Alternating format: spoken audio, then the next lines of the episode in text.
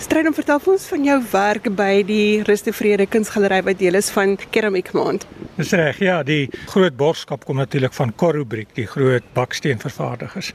So dit het ons het nou goed gedink dat bakstene is eintlik maar 'n tipe van 'n keramiek of 'n bakproses of so, né? En dat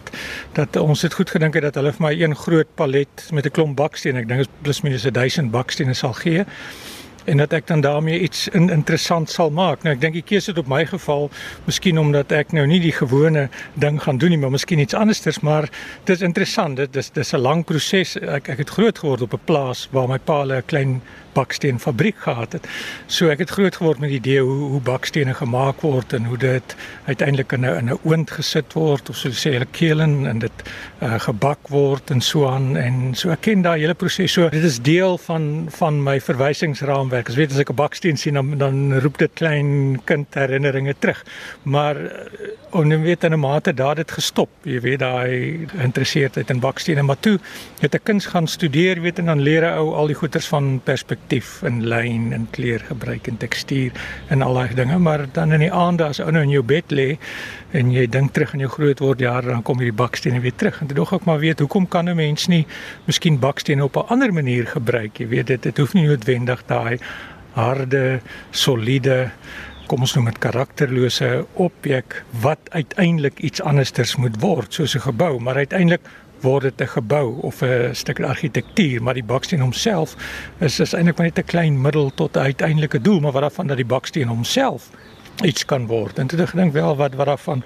ons on, ek begin bakstene miskien in lyne pak en in vorms pak en en dit loop deur 'n stoel en bo 'n stoel en dit laat my besef jy weet mamma dit weet die bakstene kan miskien flexible wees soos soos die Engelsman sê jy weet en en, en dit kan allerlei interessante vorms aanneem en en daardeur gee ek dus eintlik aan die baksteen 'n nuwe identiteit 'n nuwe karakter dat die baksteen homself is iets en nie om iets te word uiteindelik nie. En dis interessant, jy weet, vandat ek nou so begin dink het en dit vir my hele wêreld oopgemaak het van 'n bakstene kyk. As ek verby geboue ry wat met bakstene gebou is, so suursteen geboue waar ou die bakstene sien,